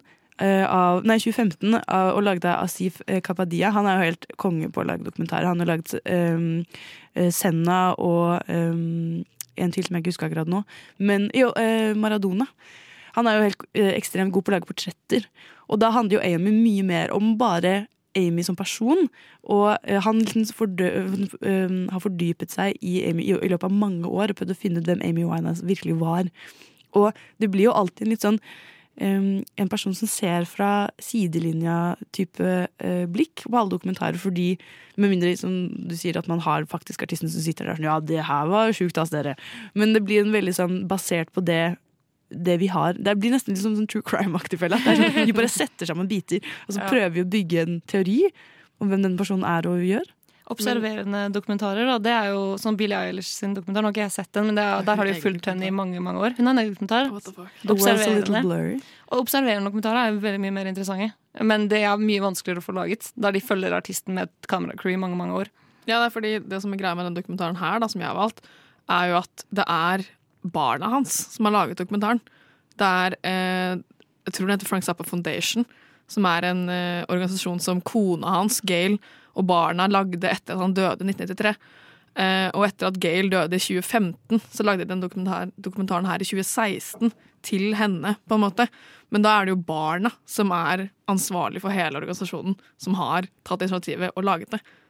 Og det syns jeg blir mer pålitelig enn at det er en regissør som lager et manus. Det er jo barna hans som har laget den. Men hva er liksom hensikten bak en dokumentar? da? Eller sånn, hva er det man prøver å utrette ved å lage en sånn type film? For det er jo ikke i samme grad en like, Det skal ikke være underholdning på samme måte som en spillefilm er. da. Jeg syns A-ha the Movie. Hvis ikke tittelen var så teit, så tror jeg flere hadde sett den. Den er veldig veldig bra laget i det at det er på en måte Ja, du følger bandet fra start til slutt, eller til nå, typ, men hovedtemaet er jo disse tre som bare virkelig hater hverandre, og alle føler seg snytt. Og de er så flinke på å vise alle tre sider av konflikten. Så jeg føler nesten handler mer om vennskap og liksom hva dårlig kommunikasjon kan gjøre med folk over tid enn eh, hva som er greia med a-ha. Og jeg tror det som er liksom veldig viktig når man skal lage en dokumentar, er igjen hva handler den egentlig om? Handler den bare om a-ha, eller er det en dypere mening her? Men de snakker jo om andre aspekter ved Frank Zappa enn bare han som rockeartist. De snakker jo om han som samfunnskritiker, som far, som mann, som komponist, musiker og rockestjerne. Så du får jo ikke bare sett han fra ett perspektiv. Du får jo sett de, Mange av de klippene som er med i dokumentaren, er klipp ingen har sett før. Det er privat tape fra familiearkiv og sånn. Og da får du sett han fra en mye mer hverdagslig måte enn å bare se han som den liksom, Frank Zappa. Liksom personen på scenen. Du får sett han fra hans hverdagsliv. Absolutt, og jeg tror det er derfor det er så viktig å lage eller hvorfor dokumentarer kan gi så mye mer. da. Mm. Og hvorfor Det er, det finnes jo mange Frank Zappa-dokumentarer, og det er jo fordi hver regissør vil fortelle sin historie. At man Ja. kan lage mange eh, historier om samme person. Det er derfor jeg synes det er bra at det er familien hans som har laget den, er og ikke en eller annen profesjonell innleid Mens det er det jo person. sikkert Ja. noen andre dokumentarer som er. Og Ja, liksom, for de har jo en Zappa-film som bare heter Zappa, og den er jo bare laget om han av noen andre eksterne mennesker. Mm. Da ville jeg heller sett Eat That Question, for det er laget av hans fire barn. Og han ene sønnen hans, Dweezil, har et prosjekt som heter Dweezil Play Zappa, der han turnerer med faren sin sin musikk for å hedre han som musiker. Men jeg tenker vi kan gå og prate enda mer om spesifikt uh, Eat That Question. Uh, men vi kan ta en liten eh, musikkpause før det, nemlig uh, balladen om diktet av Duett. Og nå er vi drøye! Og så er det sånn, men dere er jo egentlig ikke det. Nova Noir. Da er det endelig tid til å snakke om Eat That Question. Jeg er meget gira. Jeg er megagira på den filmen. Jeg syns den var dritbra. Jeg digga den. Så jeg bare I'm sorry for uh, at jeg snak- for- for- foresnakket litt i stad, men jeg bare Jeg har så mye å si. Så jeg bare vet at jeg har masse å si nå også.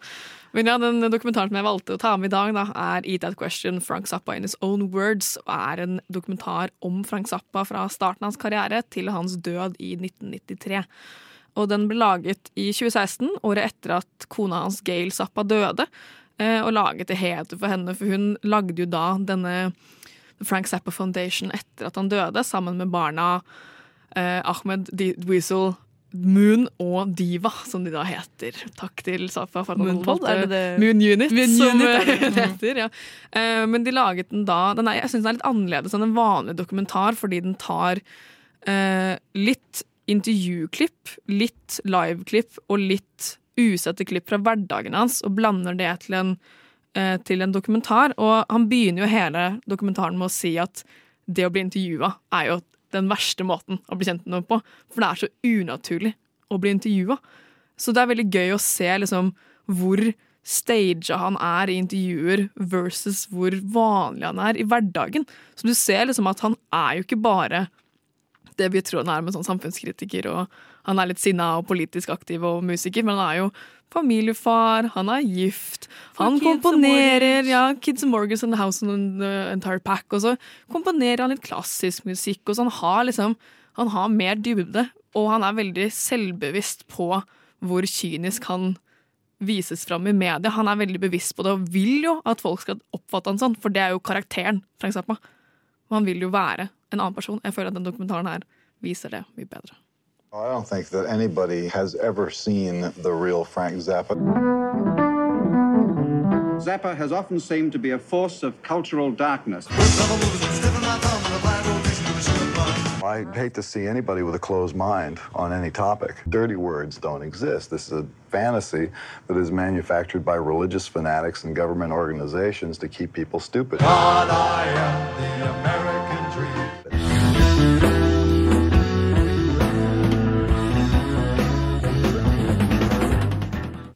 Ja, dette var da traileren til dokumentaren, og du får jo allerede høre her at han sier det er ingen som har sett den ekte Frank Zappa før. Og det setter liksom standarden for hele dokumentaren, for det er jo noe av det første han sier, og jeg syns det er så bra at han er så bevisst på at folk oppfatter ham på en spesifikk måte. Og det er jo planlagt. Han sier jo 'jeg vil jo at folk oppfatter meg sånn'. Det er jo hele stage-personaen min. Ja. Så Mm. han er jo ikke bare en drittsekk. Han, er liksom, ja. Men kan jeg, hva, er, er ditt forhold til Frank Zappa fra før? Eh, Jeg har en eh, veldig fanatisk onkel som er veldig glad i Frank Zappa. Jeg har mange venner, og jeg spiller melodisk slagverk som Frank Zappa er veldig glad i å bruke.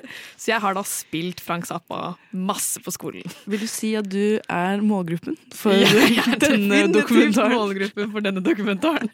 Uten tvil. Det Kanskje står jo noe også. Det er jo an, um, Den eh, Frank Zappa Foundation har skrevet at det her er en film laget for Die Hard-fans. For å få litt underholdning og mimre tilbake igjen. Så jeg vet at det her ikke var tidenes beste valg av dokumentar, men jeg liker, jeg liker at den er litt annerledes. Det er det som er greia. Um, altså jeg, jeg er helt OK forhold til Frank Zappa. Jeg, liksom, jeg syns det var gøy å se mange av klippene i dokumentaren. Sånn, ble litt bedre kjent med han. Men uh, nå skal jeg være litt streng her, og det er en veldig dårlig laget dokumentar. Hvis, Ja. du, hvis du hadde sett for deg at det var en annen artist da, som den var laget på akkurat samme måte, f.eks. Dolly Parton eller noen jeg vet ikke om du ikke har nært forhold til, men liksom hvem som helst, uh, så er det bare sånn hvis du skal se på det dokumentartekniske, uh, ikke så imponerende laget. Fordi det er jo eh, veldig vanskelig narrativ å følge, fordi det er liksom bare videoklipp etter videoklipp etter videoklipp. etter videoklipp. Eh, og det føles egentlig som å se på sånn Best of YouTube compilation, hvor de bare har tatt inn masse sånn eh, One and a half hour with the best of Frank Zappa. Altså de bare, det er jo på en måte føles ikke som det er dokumentarskapere som har laget den. Og det sa jo du i stad at det er barna hans, og da kan det gi mer mening, for det føles som en fanvideo mer enn en dokumentar. Eh, og sånn sett syns jeg ikke det er en av de bedre dokumentarene om artister, da. Men jeg syns det passer mye bedre til han som musiker. Om det hadde vært i Dolly Parton, så hadde jeg kjeda dritten ut av meg. Det er jeg ganske sikker på. Men fordi han er såpass særegen og annerledes, så hadde det vært veldig rart om de lagde den på en mainstream måte. Jeg føler at Det hadde ikke passet han i det hele tatt. Det hadde blitt veldig stilisert. Så jeg føler at de har gjort det på en annerledes måte, og jeg syns det er bra, for han er en annerledes musiker. Men jeg skulle nesten ønske de hadde gjort det på en, Jeg er helt enig at de burde gjort det på en annerledes måte, og ikke sånn straight forward talking heads-type dokumentar. Men eh, det må finnes en andre kreative måter å lage en dokumentar på enn å bare copy-paste inn alle klipp av en person kronologisk og si ta-da, dokumentar. Jeg følte også bare at jeg ikke forsto hva narrativet, eller hva som var Vi har snakket om mål, da. Mm. Eh, og alle, alle filmer skal jo på en måte De må ikke nødvendigvis ha en spesifikk handling, eller de må ha sluttpoeng, eller, men, men de må ha Det å lage en film må på en måte ha et eller annet formål. Og jeg forsto ikke helt hva formålet med den dokumentaren var. Formålet var bare å vise han masse, følte jeg. Men jeg ble kjempelei av han, og Ja. det var det som jeg syns at sånn um, Det er jo ikke- poenget! Ja, men det er sånn Han er eh, Det blir for til slutt nesten litt for meta. At jeg blir sånn irritert over at Frank Zappa skal være så jævlig smart, og at det er bare en sånn egentlig kjempestor sånn uh, Am I a genius? Maybe. Og det er bare sånn, Han er så utrolig sånn Han tro, digger hvert eneste ord han har å si, og da blir jeg nesten litt sånn dra-til-trynet-følelse av å se på det. For jeg ble sånn, vet du hva Jeg skjønner at folk digger deg, du har sikkert dritbra tekster, jeg har ikke noe nært forhold til han egentlig. Men jeg, ikke noe, jeg ble ikke noe mer interessert i han som person av å se denne dokumentaren. Nei, for jeg tror det er litt av problemet Hvis du ikke har noe forhold til musikken hans eller teksten hans eller eh, diskografien hans, så er den filmen her veldig dratt i trynet. Og det har jeg innsett i ettertid. Men jo mer du hører på han, og så ser du dokumentaren etterpå, så skjønner du at det her er bare humor. Det er liksom Hele poenget hans er å gjøre narr av så mange mulige folk.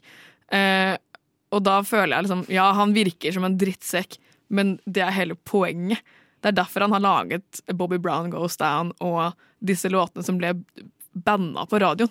For de var så grove. Det er jo litt av hele eh, liksom personligheten til artisten.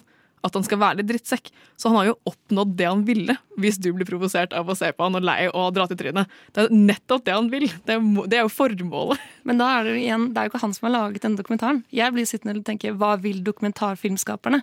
Fordi vi snakker på en måte ikke om Frank Zappa som person. Han er kul nok eller interessant nok, men det er liksom ren dokumentarteknisk. Hva er det vi egentlig har sett på? Eh, hva er det egentlig de, hva er det høyere budskapet her? Hva er det de vil teste eller lage med denne filmen? Som det er, for det er jo ikke Best of YouTube. Det er en film, ikke sant? Og da satt jeg bare og følte sånn Jeg føler at det de vil fortelle her, er bare se på Frank Zappa, han er jævlig lættis. På en måte. Eh, ja, men jeg kunne ønske at det var noe mer. Ja, nei, jeg vet ikke. Jeg følte at jeg ble mye bedre kjent med han fra starten av karrieren hans, hans musikalske utvikling, og hvordan han taklet det når han ble dårlig. For han døde jo av prostatakreft i 1993, og det ser du veldig tydelig i dokumentaren. Og da får han et helt annet fokus på musikken han lager, enn det han hadde tidligere. Så jeg syns det er en veldig god øhm, liksom, Det viser veldig godt hvordan han utviklet seg som komponist. For jeg syns de legger veldig god vekt på Han var ikke bare rockemusiker, han var også komponist. Og det liker jeg veldig godt, for han lagde jo masse klassiske verk og ga ut plater og leide inn orkestre og satt liksom flere timer hver dag og lagde øh, Og lagde Herregud, nå glemte jeg hva ordet for det er. eh, partitur for orkester. Så han er jo mye mer nyansert enn det folk har sett han før. Og det liker jeg veldig godt med at i dag du får sett han fra flere perspektiver enn bare det på scenen. da. Ja, Men igjen så føler jeg at det er som vi har snakket om, liksom en film for fans. Altså en film for folk som vil lære mer om han. Mer enn det Wikipedia kan si. Enn en film. Punktum, på en måte. Jeg føler ikke at det er en film som hvem som helst kan komme inn og nødvendigvis nyte så mye. Noen sikkert, men folk som ikke har et forhold til han, eh, kommer nok ikke til å sette så pris på hvordan denne filmen er laget. Det er jeg helt enig i. Ja. Det vi på en måte har funnet ut, er at det finnes eh, utrolig mange forskjellige måter å takle bare det eh, å portrettere en, en artist på. Som er kjempekult, både om, enten om det er falsk eh, basert på, eller da utrolig nisje. Eh, og et spesielt innblikk på en ganske eksentrisk og kul fyr. Men vi har egentlig eh, nådd eh, enden til vårt tema. Vi skal straks få besøk eh, her i studio av Hanne Marie Nord, som har vært på BIFF, eh, Bergens eh, filmfestival. Men vi skal ha eh, litt musikkpause til, og det er Hoila eh, med låta Queen. Radio Nova. Og eh, nå har vi fått eh, en fjerde person inn i studio her, eller en femte, da. Eh, men Hanne! Hei. Hei, Hanne. Hvordan går det med deg? Det går fint. det går fint. Du har vært på Bergen eh, internasjonale filmfestival. Det stemmer. Jeg har vært der og sett uh, mye film. Mye dårlig film og noe bra film. Så jeg tenkte at det kanskje var gøyest å fortelle dere om noen av de bra filmene jeg så. Ja! For eh, jeg kan jo på en måte begynne Eller denne her er jo litt eh, diskutabel. Jeg tenkte jeg kunne begynne med å snakke litt om den som nemlig har kinopremiere i morgen, 5. november. Nemlig Titan. Å, så skal jeg se neste uke. Ja. Gullpalmevinner. Ja, den vant Gullpalmen i Cannes. Veldig omdiskutert. Den har fått mye bra kritikk.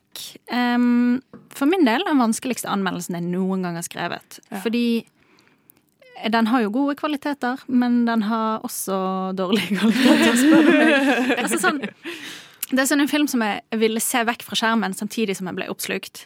Eh, Den er grusomt ekkel og brutal, samtidig som den har noen liksom ømme og morsomme øyeblikk. Så sånn, Jeg syns ikke på en måte at historien i filmen holder mål, men den er jo verdt å se bare for å liksom oppleve hva den gjør med deg, og kjenne at en kinoopplevelse fortsatt kan vekke veldig sterke reaksjoner. da. Det er kanskje det som er det mest positive med den. At liksom, ja, det, det er bare noe helt annet, og uansett hva du syns om den, så kan du diskutere den, på en måte.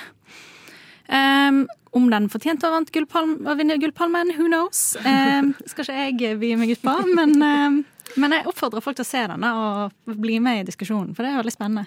Jeg føler Det er den filmen jeg er glad for at jeg ikke har sett, visst noen ting om før Mm. jeg gikk inn.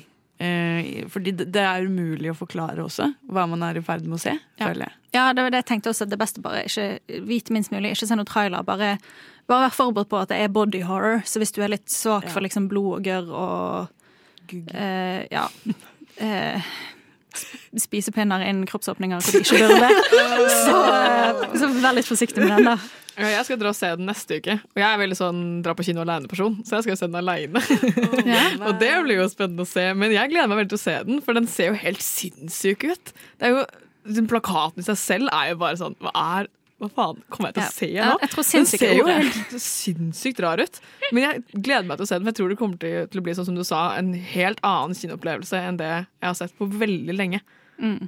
Men eh, for eh, oss litt sartere sjeler, eh, Anne, har du noe annet Ja, på ja bordet? da, har jeg, da har jeg en kjempefin film som heter After Love. Som handler om at mannen til en eh, britisk eh, kvinne som heter Mary, dør.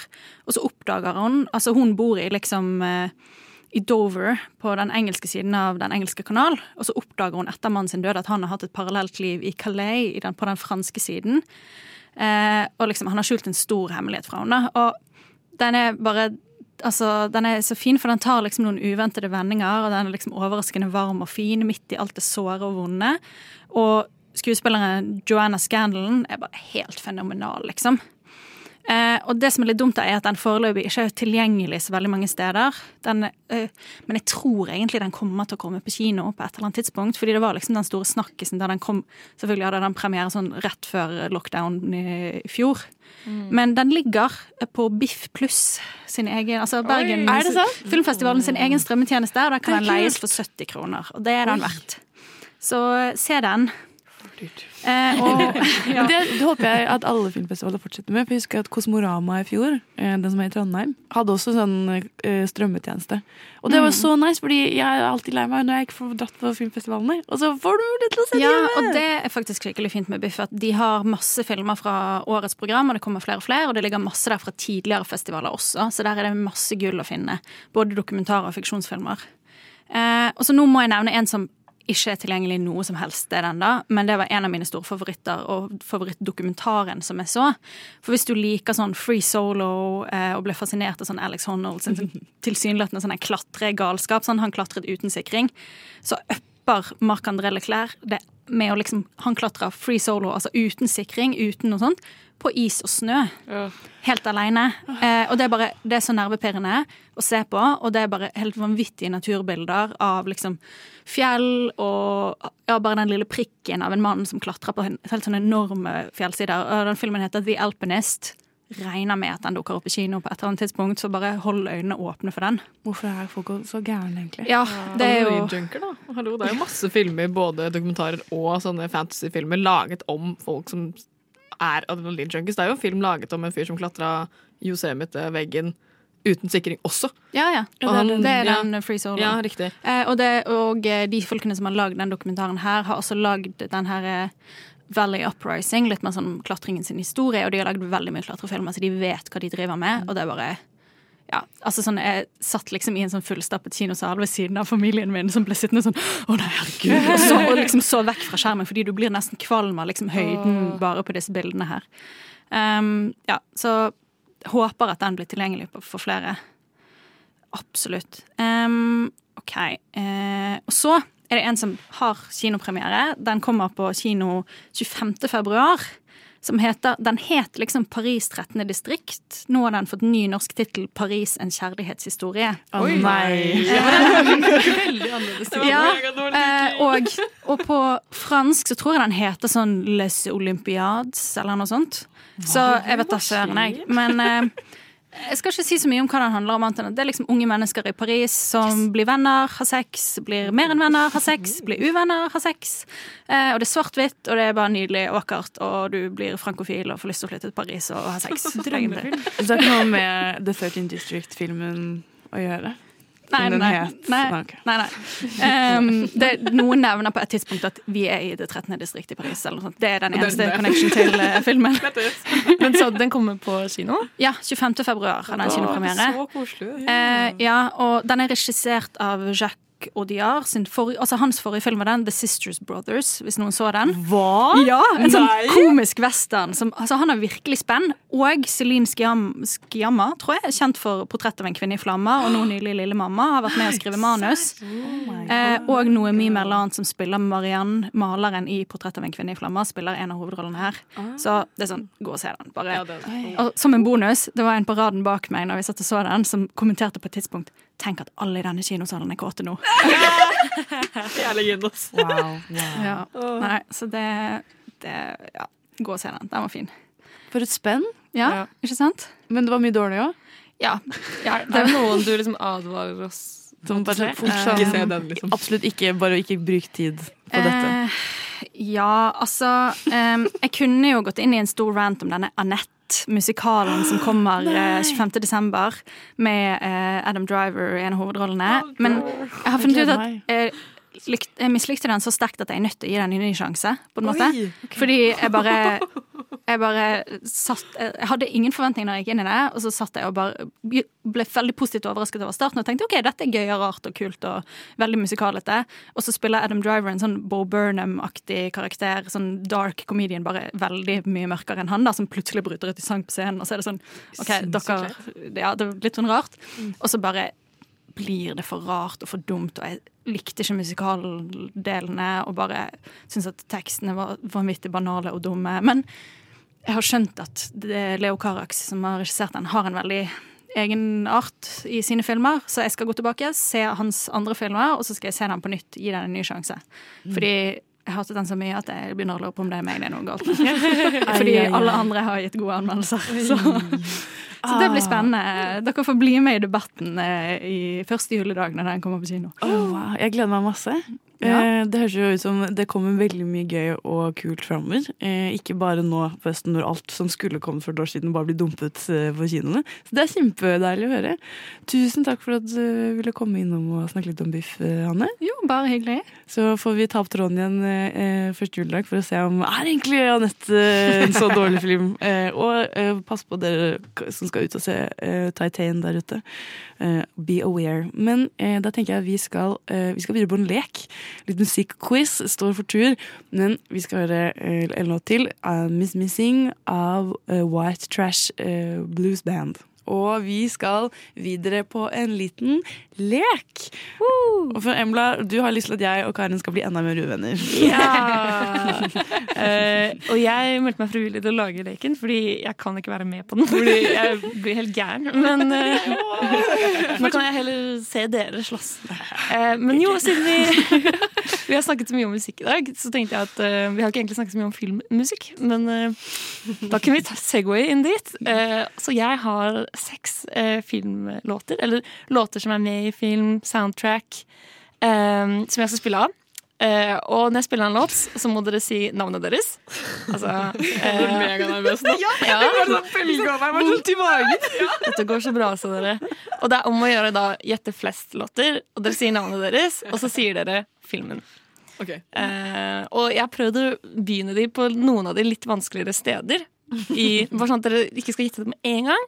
Men noen av dere gjør det kanskje for det. Dette er i vanskelighetsgrad lett, vil jeg si, da. I hvert fall de fleste. Men Så jeg, jeg skal rope ut navnet mitt? Ja, Så når sangen spiller av, hvis du tror du vet hvilken det er, sier du Ina.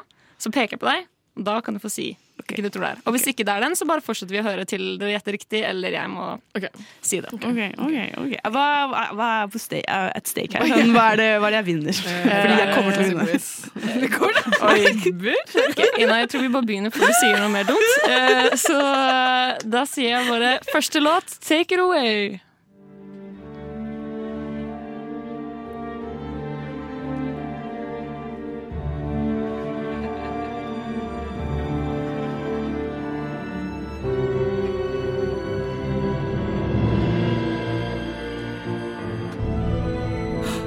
Karin. Er det på Twilight? Ja! Nei! Hallo! Jeg har det på lista mi. Ja, Den låta gir meg Er det When the lion fell in love with the lamb eller sånt? Den heter Bellas Lullaby. Ja, det er den Edward Nei, men Peter Ja, den skulle akkurat komme sånn Ja, det var akkurat det. Var rett før. Ja, da kommer jeg til å skjønne det. Jo, når den hadde begynt med piano, hadde du skjønt det. Okay, Et poeng til Karin. Nei, jeg bare tuller. Okay. Oi, oi, oi. Ok, Da går vi på neste låt.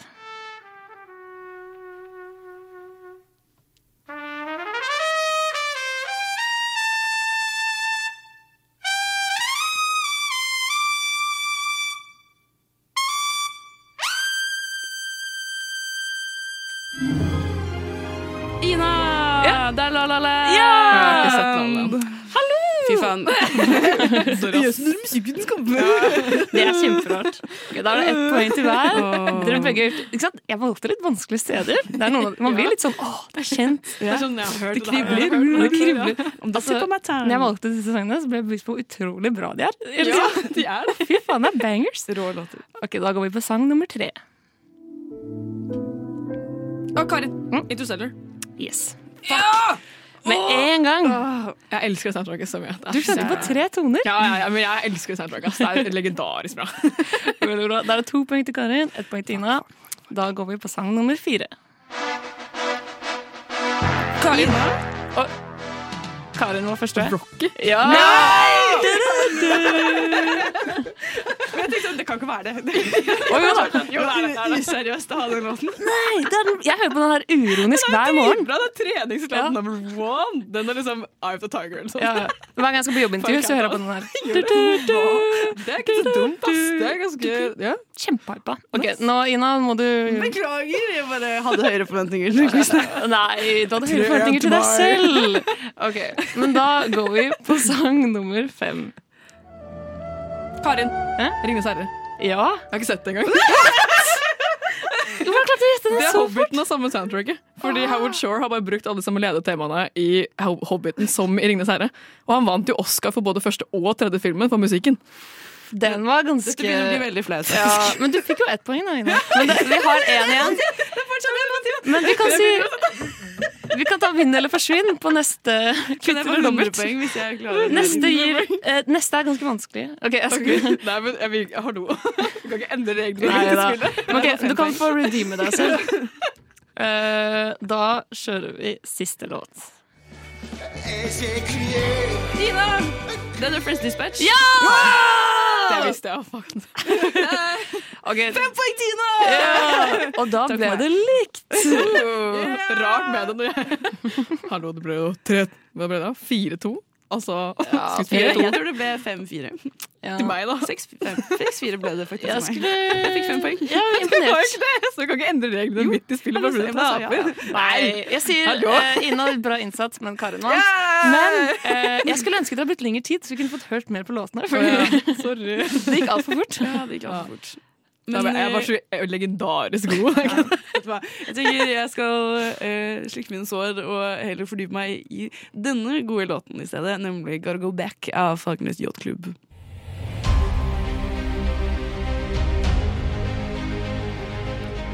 En radio. Ett program. En redaksjon. For filmelskere. Nova Noir på radio Nova.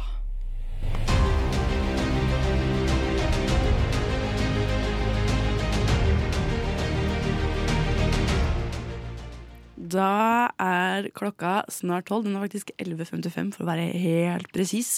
Og vi i Nova Noir har vært her siden klokka ti i dag, eh, som vanlig på en torsdag. Og i dag har jo temaet vært eh, band på film. Eller artister på film. Vi har snakket om eh, band som ikke finnes. Boys Voiced. Anbefaler å gå på Spotify, sjekke ut eh, albumet deres der. jævlig. Det er mye bra bangers der. We Are The Playmo Men, eh, I Can Be Your Father Christmas Cousin. Altså en banger. Eh, altså masse godt innhold. Um, og så har vi snakket om The Runways, som jeg syns fortjener et gjensyn. Yes. Eh, om du trenger litt Kristin Stewart. Apropos Kristin, gratulerer med forlovelsen. Håper du Ja, det er bra. sant. Ja, Og eh, kanskje Oscar-nominasjon med Spencer. Ja, ja, den har fått litt sånn Ja. Ja. Jeg føler den har fått litt eh, varierende tilbakemeldinger. Ja, så, men det er mange som sier at uh, hun kanskje får sin første nå. Er ikke det med den plak plakaten som er så sykt fin? Jo. Ja, den er sykt fin. Ja, men tror, det er jo veldig på kornet i forhold til hva folk er gira på for tiden. Ja. Det det passer jo veldig bra. Ja. Men spennende om hun klarer den britiske Aksenten. Det er alltid risky. Mm, Men det er ikke samme fyr som har laget Jackie? Jo. jo. Og han er jo god. Ja. ja.